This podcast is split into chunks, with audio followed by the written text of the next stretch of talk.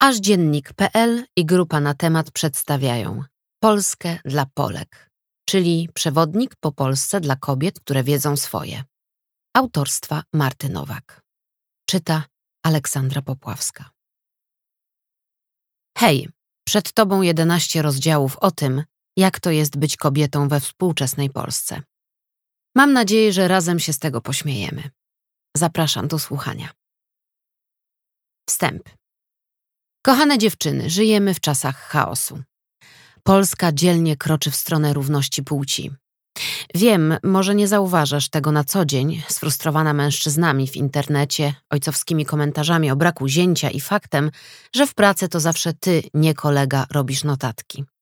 Jeśli jednak pochylimy się nad sprawą z lupą i porównamy naszą dzisiejszą sytuację z tą sprzed dekady czy dwóch, dostrzeżemy, że coraz częściej mówi się o różnych kobiecych prawach do kariery, dobrego seksu, decydowania o własnej rozrodczości, a niekiedy nawet o prawie do wolnego czasu i podziału obowiązków rodzicielskich z partnerem. Szok. Wiadomo, że w takich sprawach nasze przywiązane do tradycji społeczeństwo porusza się raczej tempem psa drupiego niż harta na sterydach. Ale, jak mówi staropolskie przysłowie, ziarnko do ziarnka, a zbierze się miarka. My, kobiety, czujemy się coraz silniejsze, pewniejsze siebie i bardziej przebojowe.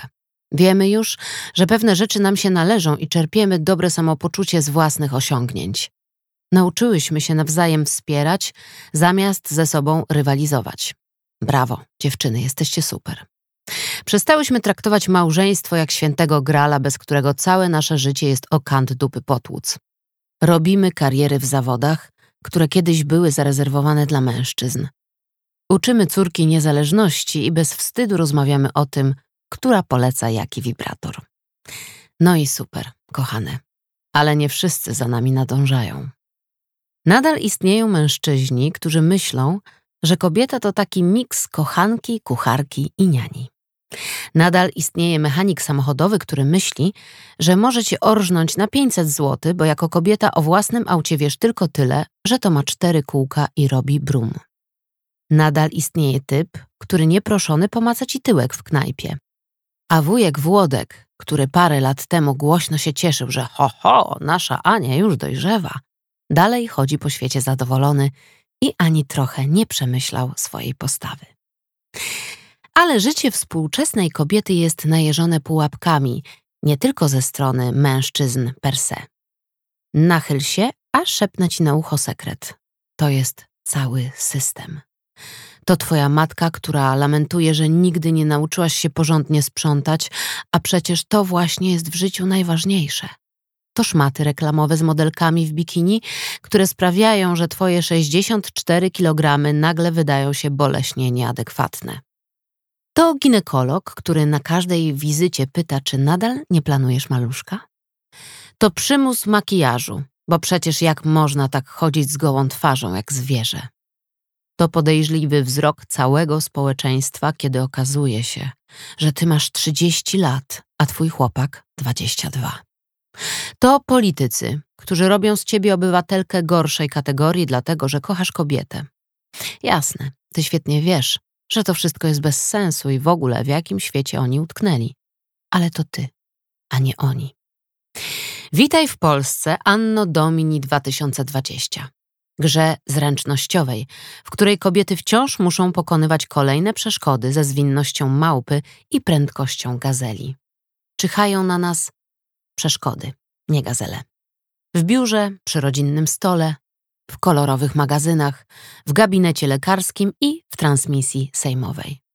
Kochana, sama dobrze to wiesz, to jest dziki zachód, w którym nie ma zasad i nigdy nie wiesz, czy pewne oczywiste dla ciebie prawdy są oczywiste również dla innych. I właśnie dlatego powstał ten poradnik. To tu nauczysz się lawirować po rafie koralowej, jaką jest życie, tak, żeby odnieść jak najmniej obrażeń mentalnych, fizycznych i emocjonalnych. Przejdziemy razem przez tak trudne tematy jak praca, związki, rodzina, seks, macierzyństwo, moda czy fitness. Dowiesz się, jak przeżyć bycie kobietą na świeczniku, co odpowiadać na toksyczne teksty jaką strategię najlepiej obrać w kontaktach z matką. Ale nauczysz się też, jak zostać królową pszczół na Tinderze, co mówi o tobie twoja kreacja na wesele i przed którymi lansowanymi w internecie pozycjami seksualnymi niech cię ręka boska broni, bo wylądujesz w szpitalu. Wsiądźmy do tego wesołego autobusu i wspólnie dowiedzmy się, jak być współczesną kobietą we współczesnym świecie, a właściwie współczesną Polką we współczesnej Polsce. Praca. Ten przewodnik o wszystkim, co istotne dla współczesnej Polki, rozpoczynamy od opowieści o pracy. Rodzina, przyjaźń, związki te sprawy są oczywiście ważne, ale umówmy się. Przez 8 godzin dziennie patrzysz nie na najbliższych, tylko na koleżanki z roboty. A klawiatury służbowego komputera też dotykasz częściej niż swojego chłopaka. I nawet nie próbuj udawać, że nie. Uwaga! Niniejszy rozdział jest skierowany do kobiet, które pracują zawodowo. Jeśli na przykład jesteś mamą, wybrałaś prowadzenie domu na pełen etat i nie zamierzasz wracać do korpo, a to twój wybór i wszystko jest z nim w porządku, możesz po prostu przejść do kolejnych części i udawać, że tej w ogóle nie ma. Również nie wszystkie freelancerki mogą się odnaleźć w biurowych historiach. A tak w ogóle to możliwe też, że nie pracujesz, bo nie musisz, a czas spędzasz na zakupach Witkacu z koleżankami z balu debiutantek. Wtedy przejdź od razu do działu rozrywka. Dla pozostałych, z którymi wspólnie niesiemy to homonto od poniedziałku do piątku, wiadomo, że praca jest ważna. Poświęcamy na nią znaczną część doby, dużo myśli i starań. Jeśli naprawdę dobrze trafiłyśmy, możemy się w niej rozwinąć, zaangażować się w nią i zyskać poczucie, że robimy coś ważnego. Ale kiedy jest męcząca, stresująca, słabopłatna, potrafi zatruć wszystkie inne sfery życia. Każda z nas wie, że od charakteru innej osoby w zespole zależy nasze samopoczucie przez pięć dni w tygodniu i nie ma nic bardziej frustrującego niż głupi szef. Jeśli to jest ten moment, kiedy przypomniałaś sobie jakąś dramatyczną postać spotkaną na swojej zawodowej drodze, to możemy zbić piątkę, bo ja pisząc to też. O matko, byli współpracownicy to cała opowieść i świetne źródło barwnych anegdot. Ale bycie kobietą na rynku pracy w Polsce to nie tylko śmieszne historyjki, to też rekruterka, która na rozmowie kwalifikacyjnej pyta o to, czy planujesz ciążę, bo oni dają tylko umowę o dzieło. To ten moment, kiedy dowiadujesz się, że kolega na tym samym co ty stanowisku zarabia o 20% więcej. To prezes, który zagaduje, co taka piękna dziewczyna robi w księgowości? To dick pic na LinkedInie. I właśnie dlatego potrzebujesz tego rozdziału. To tutaj opanowujesz sztukę manewrowania między oczekiwaniami szefa, potrzebami kolegów i własną godnością. Dowiesz się, jak budować trwałe więzi w miejscu pracy i mówić w taki sposób, żeby mężczyźni w Twoim zespole nie czuli się zagrożeni. Poznasz sekretne sposoby na uzyskanie urlopu i nauczysz się, jak zachować kamienną twarz, kiedy Paweł z marketingu przy dystrybutorze wody opowiada żart o głupich babach. Bo wiem, że mamy 2020 rok, ale jeszcze jakiś Paweł z marketingu w Twoim życiu na pewno się znajdzie. Pracuj jak mężczyzna. Co zrobić, żeby w pracy nie zorientowali się, że jesteś kobietą? Praca to miejsce, w którym spędzamy jedną trzecią doby. Nic dziwnego, że twój szef i koledzy pragną czuć się w niej komfortowo i na swoim miejscu. Ułatw im to. Pamiętaj, że Twoja ekspansywna kobiecość może ich dekoncentrować albo, co gorsza, sprawić, że nie będą Cię traktować jak jednego z nich. Co robić w tej sytuacji? To nie takie trudne. Oto sprawdzone recepty na zdobycie uznania, sympatii i szacunku kolegów. Po pierwsze, warto, żebyś zainteresowała się prawdziwie męskimi sprawami. Pierwsze tygodnie nowej pracy poświęć na wybadanie, co jara Twoich kolegów. Tak, mężczyźni też są różni. Dla przykładu, jeśli pracujesz z nerdami w IT albo z nerdami w IT, prawdopodobnie okaże się, że warto zacząć grać w gry. I nie chodzi tu o Mario albo jakąś nową wersję kulek, ty amatorko. Wybierz Wiedźmina albo Outer Wilds. Jaraj się Cyberpunkiem 2077 i wiedz, jak wiernie odwzorowano szczegóły końskiej anatomii w Red Dead Redemption 2. Wszystko to przyjdzie ci naturalnie, jeśli faktycznie jesteś gamerką. Jeśli jednak wieczorami raczej oglądasz Magdę Gessler i nakładasz maseczkę, siedź cicho. I przynajmniej kiwaj głową w momentach, kiedy twój zespół w służbowej kuchni ekscytuje się jakimś wynikiem na Metacritic. Jeśli uznasz, że gry to nie to, głośno chwal się, jaką to nie jesteś koneserką aut. Miej ulubioną, nieoczywistą markę samochodu. Stare Saby, Fiat Barchetta, w ten deseń. Powtarzaj, że swoje auto oddajesz do naprawy wyłącznie do pana Zbyszka 30 kilometrów od domu, bo tylko on umie zadbać o twoje maleństwo. Mów o samochodach w tonie Kiedyś kochałam automaty, ale teraz wiem, jaką radość daje manual. Często podkreślaj, że nie jesteś typową babą za kierownicą. Pasja motoryzacyjna sprawdzi się szczególnie wśród kadry kierowniczej, a rozmowy o silnikach świetnie pasują do whisky. Uwaga, jeśli nie masz prawa jazdy i już zaczęłaś się martwić, nic straconego. Zamiast samochodów możesz nauczyć się w ten sposób pieprzyć o zegarkach i też będzie dobrze. Ważne, twoje fajne, niekobiece hobby na nikim nie zrobi wrażenia, jeśli nie będziesz przy tym wyluzowaną babką. Pamiętaj, nie jesteś jak inne dziewczyny, które obruszają się za niewinne żarty o tym, że miejsce kobiety jest w kuchni. Ty w takich momentach śmiej się głośno razem z mężczyznami. W końcu masz poczucie humoru i dystans do siebie. A poza tym jesteś fajną kumpelą, a nie jakąś sztywniarą. Głośno mów też, że nie jesteś feministką. To ostatecznie zjedna ci serce męskiej części twojego zespołu. Ta strategia może się co prawda nie sprawdzić, jeśli pracujesz w firmie, w której liczebnie przeważają kobiety, ale nie przejmuj się. Wiadomo, że opinia kobiet jest dużo mniej ważna niż zdanie chłopaków. Teraz protip dla matek. Udawaj, że nie masz dzieci. Pamiętaj, że jeśli mężczyzna stawia sobie na biurku zdjęcie rodziny, to znak, że jest opiekuńczy i odpowiedzialny. Ale jeśli ty to zrobisz, to znaczy, że w pracy twoja głowa jest gdzie indziej. Nie wykorzystuj ustawowych dni urlopu na opiekę nad dzieckiem. Twój przedszkolak ma gorączkę i leci mu glut? Trudno. Kiedyś dzieci chorowały na dyfteryt i nikt nie narzekał. Zachowuj się tak, jakbyś miała żonę, która ogarnia te domowe sprawy, podczas gdy ty poświęcasz się karierze i przynosisz pieniądze do domu. Ale jeśli naprawdę masz partnerkę, a nie chłopaka, to też tego nie mów. Kolegom może zrobić się smutno, że skoro wolisz kobiety, to ich męskość nie robi na tobie wrażenia. Pozostańmy przez chwilę w sferze biologii, żeby uporać się z najbardziej krępującą kwestią biurowego savoir-faire twoją miesiączką. Nigdy w życiu nie wspominaj o tym, że masz okres.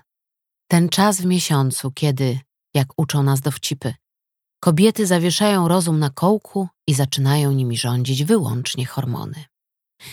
Jeśli idziesz do służbowej toalety zmienić tampon, zawsze bierz całą torebkę. Nie może być tak, że ktoś zobaczy, jak idziesz przez cały hol w biurze z podpaską w dłoni. Podobno mężczyźni wiedzą, że większość kobiet menstruuje, ale nie pozwól, by ktokolwiek skojarzył to zjawisko z tobą. Dla wielu kobiet problemem w biurze jest także strój. Narzekają na seksistowskie uwagi, niechciane próby flirtu w miejscu pracy albo kolegów gapiących się im w dekolt. Ty bądź inna. Zamiast strzępić język i robić z siebie ofiarę, Weź sprawę w swoje ręce i po prostu nie daj mężczyznom powodów do komentarzy. Żeby w pracy nie zorientowali się, że jesteś kobietą, odstaw kosmetyki kolorowe i zapnij się pod szyję. Jeśli masz duży biust, y, to też może nie pomóc, ale wtedy to już wina natury. Zawsze noś pancerny stanik. Jeśli ktoś zobaczy zarys twojego sutka, już po tobie. Ale nie powinnaś też być zaniedbana. W końcu nikt nie przychodzi do pracy po to, żeby patrzeć na brzydkie kobiety. W ogóle wyglądaj elegancko, ale nie seksownie. Profesjonalnie, ale skromnie. Ładnie, ale nie prowokująco. Czyli jak? No, sama jakoś wymyślisz, jak. Wdróż te zasady, a wszyscy mężczyźni w pracy będą cię traktować jak kumpla. Wspólnie z tobą obgadywać koleżanki i nie będą powstrzymywać się od najgrubszych żartów. Być może nawet uda ci się osiągnąć ostateczny cel szczyt szczytów. I kolega z pracy, mówiąc o tobie, zapyta żonę, dlaczego nie możesz być taka jak ona? A potem i tak nie zaprosi cię na męskie piwko po pracy, bo przecież jednak jesteś kobietą. Zadanie. Wiele z nas mierzy się na co dzień z czymś, co nazywa się syndromem oszusta. Boimy się, że jesteśmy nieprofesjonalne, za głupie i w ogóle nie takie, więc zaraz ktoś to wykryje, ogłosi i wywiozą nas z firmy na taczkach jak jagnę ze wsi w chłopach. To przez ten strach nie prosimy o podwyżki, podajemy za niskie kwoty na rozmowach rekrutacyjnych i pozwalamy kolegom zbierać pochwały za pomysły, które to nam przyszły do głowy wcześniej. Brawo, kochana, rób tak dalej, a umrzesz nie tylko biedna, ale i zestresowana. Pamiętasz, jak wysłałaś CV do swojej pierwszej pracy? Odnajdź je w czeluściach dysku czy skrzynki mailowej i dokładnie przeczytaj.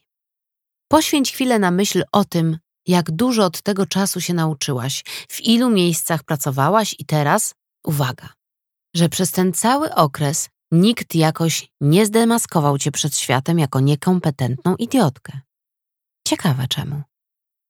Osiem powodów urlopu na żądanie, które znajdą zrozumienie u szefa i jeden, którego nigdy nie podawaj. Wszystkie wiemy, że w teorii mamy prawo do urlopu. Wszystkie wiemy też, że w Polsce prawo to bywa ułudne jak kwiat paproci, a na drodze do niego stoją nam śmieciówki, plany do wyrobienia, projekt dla kluczowego klienta i niedostafowanie, to ostatnie słowo naprawdę istnieje i oznacza, że firma zatrudnia za mało ludzi, więc ty musisz harować za dwóch. W tej sytuacji, mówiąc szefowi o tym, że chcesz wziąć wolne na ostatnią chwilę, przy umowie o pracę zwane urlopem na żądanie, nie traktuj tego jako normalną rzecz, która ci się należy, bo tak. Zamiast tego okaż mądrość kruka i spryt żmii. Zrób to inaczej. Tak, żeby wiedział, że bardzo chciałabyś być w pracy i w życiu byś sobie nie odmówiła tej przyjemności, gdybyś naprawdę, naprawdę nie musiała. A przecież musisz. Oto osiem genialnych pomysłów, które wykorzystaj, jeśli kiedykolwiek będziesz chciała wziąć urlop z dnia na dzień i wiesz, że szef będzie kręcił nosem. Co mówić? 1. Coś mnie bierze, nie chcę wszystkich pozarażać. Pokaż, że nie jesteś od razu taka, żeby biec do lekarza po L4 na tydzień, tylko chętnie poświęcisz na poratowanie zdrowia dzień urlopu. Jeśli szef nie załapie, że Twoja decyzja jest motywowana wyłącznie troską o sprawne działanie firmy i zdrowie kolegów, możesz dodać coś w stylu, żebyśmy się wszyscy nie pochorowali na koniec trzeciego kwartału. Otoczona nimbem pracownicy, która naprawdę poświęca się dla swojego zakładu, spędź ten dzień po swojemu. Należy ci się, bohaterko. 2. Sprawy rodzinne. Powiedz to smutnym głosem, sugerującym, że stało się coś strasznego, ale to zbyt bolesne, by zdradzić więcej. Jesteś w końcu osobą, która ceni prywatność, a przede wszystkim nie chce obarczać innych swoimi problemami. Poza tym większość Polaków uważa, że rodzina jest najważniejsza. Twój szef też. Zrozumieją. 3. Było do mnie włamanie. To nic, że ktoś wyłamał kłódkę do piwnicy, w której zastał dużo pustych słoików i spowity pajęczyną regał Black Red White. Włamanie brzmi jak tragedia. A poza tym wiąże się z procedurami, policją, szukaniem świadków i innymi sprawami, o których twój szef nie chce słuchać. Więc da ci ten urlop. A gdy odłoży telefon, sam zacznie się zastanawiać, czy na pewno zamknął mieszkanie. 4. Rozstałam się. To dla tych, których menadżerowie nie są na bieżąco z życiem uczuciowym zespołu. Rozstałam się. Niesie ze sobą duży ciężar gatunkowy i seksowną nutę ekshibicjonizmu. Każda szefowa zrozumie twój dramat. Każdy szef przestraszy się, że zaraz zaczniesz mu płakać w słuchawkę, więc z ulgą przyjmie twoją nieobecność w robocie. Uwaga, może się nie sprawdzić, jeśli jesteś ze swoim partnerem od dziewięciu lat i za tydzień wstawisz na Instagram wasze wspólne zdjęcie z wycieczki na grzyby. 5. Jadę na ostry dyżur dentystyczny. Ból zęba. Kto go nie zna? Ostry dyżur dentystyczny sugeruje prawdziwą masakrę, bo gdyby było inaczej, poczekałabyś te dwa dni na wizytę u swojej pani doktor z Luxdentu. Poza tym nikt nie wykryje, jak było naprawdę, bo nie jesteś koniem i nikt nie będzie ci oglądać zębów po powrocie do roboty. 6. Mają u mnie dziś odpowietrzać kaloryfery. Po pierwsze, nikt tego nie sprawdzi. Po drugie, każdy wie, że ze spółdzielnią mieszkaniową się nie walczy, a fachowcy są jak ksiądz po kolędzie. Witasz ich z uniżeniem, dużo płacisz i Bóg jeden wie, o której przyjdą. 7. Dziecko jest chore. Skuteczne, o ile nie boisz się, że w rok po takim diktum ktoś przypomni sobie to zdarzenie i wytknie ci nieobecności, awansując twojego kolegę zamiast ciebie. Jeśli chcesz uniknąć takiej sytuacji, powiedz, że chory jest pies. Potrzebę pilnej konsultacji u weterynarza zrozumieją wszyscy, a zwłaszcza przedstawiciele klasy kreatywnej. Ci ludzie, którzy mają po 40 lat i do swoich piesków mówią synu. Jeśli sama nie masz psa, zawsze możesz powiedzieć, że się czyimś zajmujesz. Z dzieckiem jest trudniej, bo niby kto by ci je zostawił? 8. Zapiłam wczoraj. Kac gigant. Czasem zamiast mamić szefa banialukami o chorej córce, lepiej odsłonić miękki brzuszek i zaserwować trochę szczerości. To zadziała. Twój szef też nie chce oglądać w pracy osoby zdychającej na kaca, bo od razu przypominają mu się te chwile, gdy czuł to samo. Na przykład na studiach, kiedy taki jeden Andrzej przywiózł do akademika bimber od wuja z Podlasia, albo, nie wiem, przedwczoraj po nocy w lustrach. Czego nigdy nie mówić?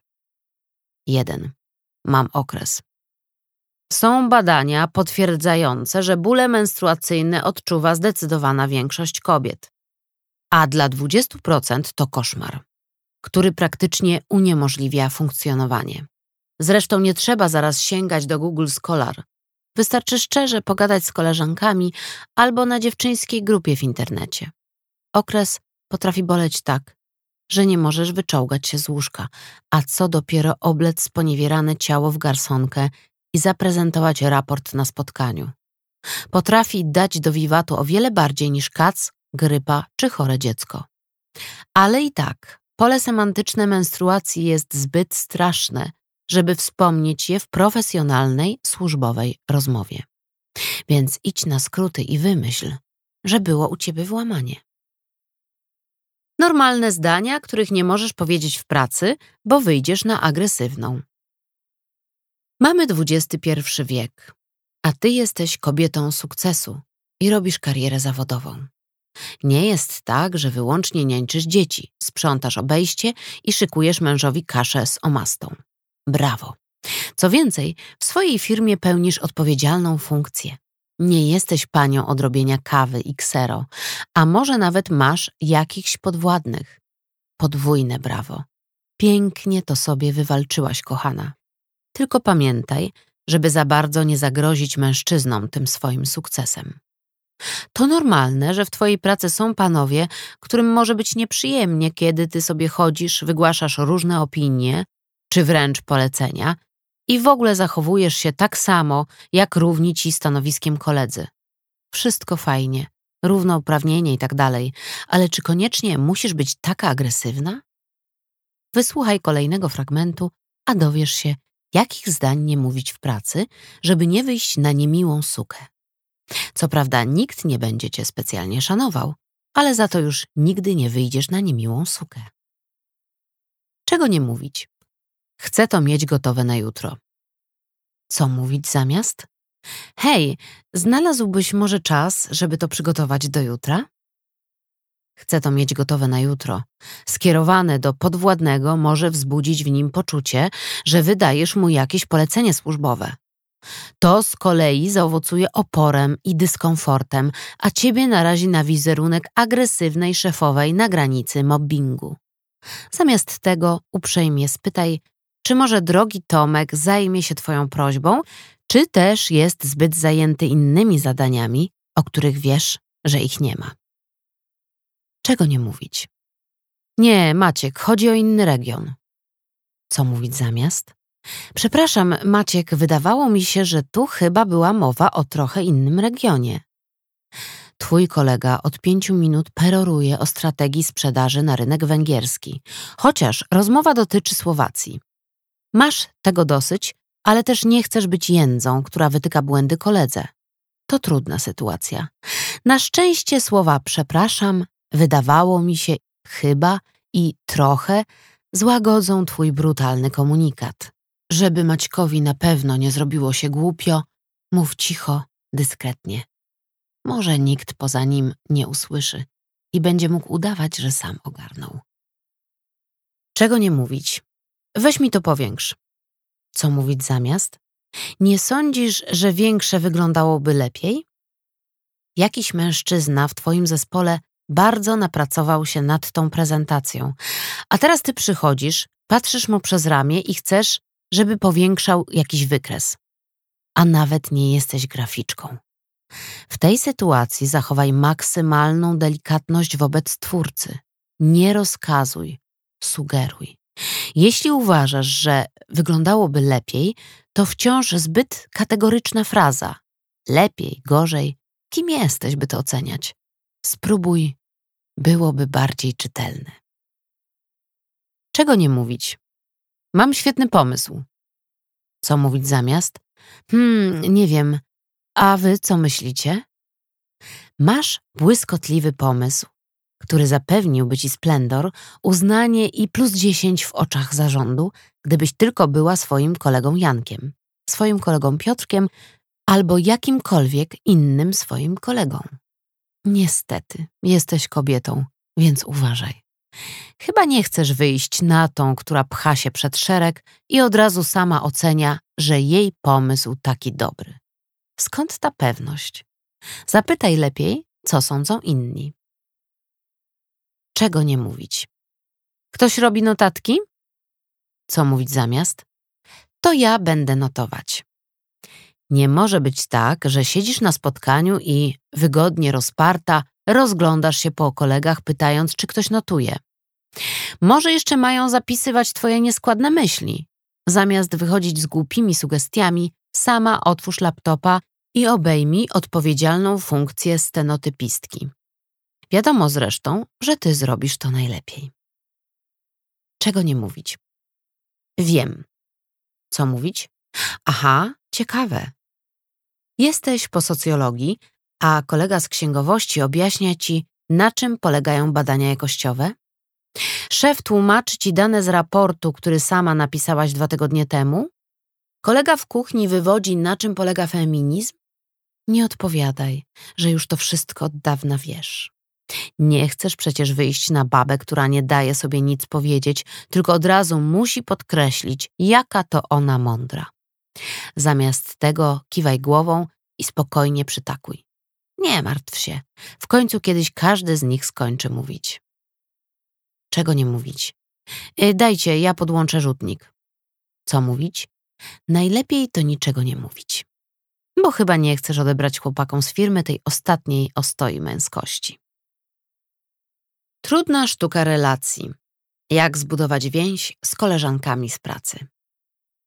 Powiedziałyśmy już sobie dużo o relacjach z mężczyznami w miejscu pracy, ale przecież wbrew pozorom faceci to nie wszystko. W twojej firmie są też inne kobiety i z nimi też musisz jakoś się dogadać. Na temat kobiecych relacji w pracy prowadzone są różne narracje. Są ludzie, którzy twierdzą, że kobieta kobiecie rzuci każdą kłodę pod nogi, bo rządzi nimi jakieś pierwotne poczucie konkurencji. W przeciwieństwie do mężczyzn, którzy w ogóle nie rywalizują. He, he. Inna narracja, ta, którą znajdziesz w życzeniach od prezesa na Dzień Kobiet, jest taka, że obecność miłych pań w firmie działa jak balsam kojący brutalne męskie obyczaje. Wiadomo, bez kobiet w biurze flegmatyczny Łukasz z księgowości zachowywałby się jak Leonardo DiCaprio w Wilku z Wall Street. A dział IT stoczyłby igrzyska śmierci na parkingu. Ale jest jeszcze inne, nowocześniejsze i bardzo ciekawe spojrzenie, takie, że wszystkie kobiety muszą stać za sobą murem. To taka dziwna logika, która zakłada, że jesteśmy istotami, które sfrunęły z nieba i nie możemy być złe, chciwe czy nienawistne. Teraz uwaga. To nieprawda. Wcale nie chcesz stać murem za wszystkimi kobietami, a jeśli myślisz, że właśnie chcesz, to pomyśl sobie o Kai Godek. Istnieją też kobiety, które biorą pieniądze za szczucie na gejów, promują niszczenie środowiska, czy dorobiły się grubej kasy na oszukiwaniu ludzi. Wcale nie musisz ich wspierać tylko dlatego, że to też laski. Tak samo nie musisz wspierać tej toksycznej koleżanki z działu, która zawala pracę, manipuluje i puszcza ploty. Girl power nie polega na tym, żeby być najlepszą przyjaciółką każdej kobiety na ziemi, na braku krytycyzmu czy sporów. W Twojej pracy też niektóre koleżanki będą super. Niektóre okażą się nudne, a z innymi będziesz różniła się w kwestii, z kim robić te kampanie w drugim kwartale. To normalne. Ale możesz mieć z nimi dobre stosunki i tym razem naprawdę nie być suką. Dowiedz się jak. 1. Nie bierz cudzego kubka. Serio. Nie po to koleżanka przyniosła sobie do pracy fajny kubek, swój ulubiony, żebyś ty teraz sobie w nim robiła cappuccino z ekspresu. Miej cień godności i przynieś własny. Nie chcesz doprowadzić do powstania spirali zależności, kiedy wszyscy piją w cudzych kubkach, bo ich właśnie jest zajęty. Tak rodzi się chaos. 2. Znajdź wspólne tematy. Budowanie więzi w kobiecym gronie nie jest szczególnie trudne. Jeśli nie wiesz, jak zacząć, zagadnij na temat jedzenia przy skrzynce pana kanapki.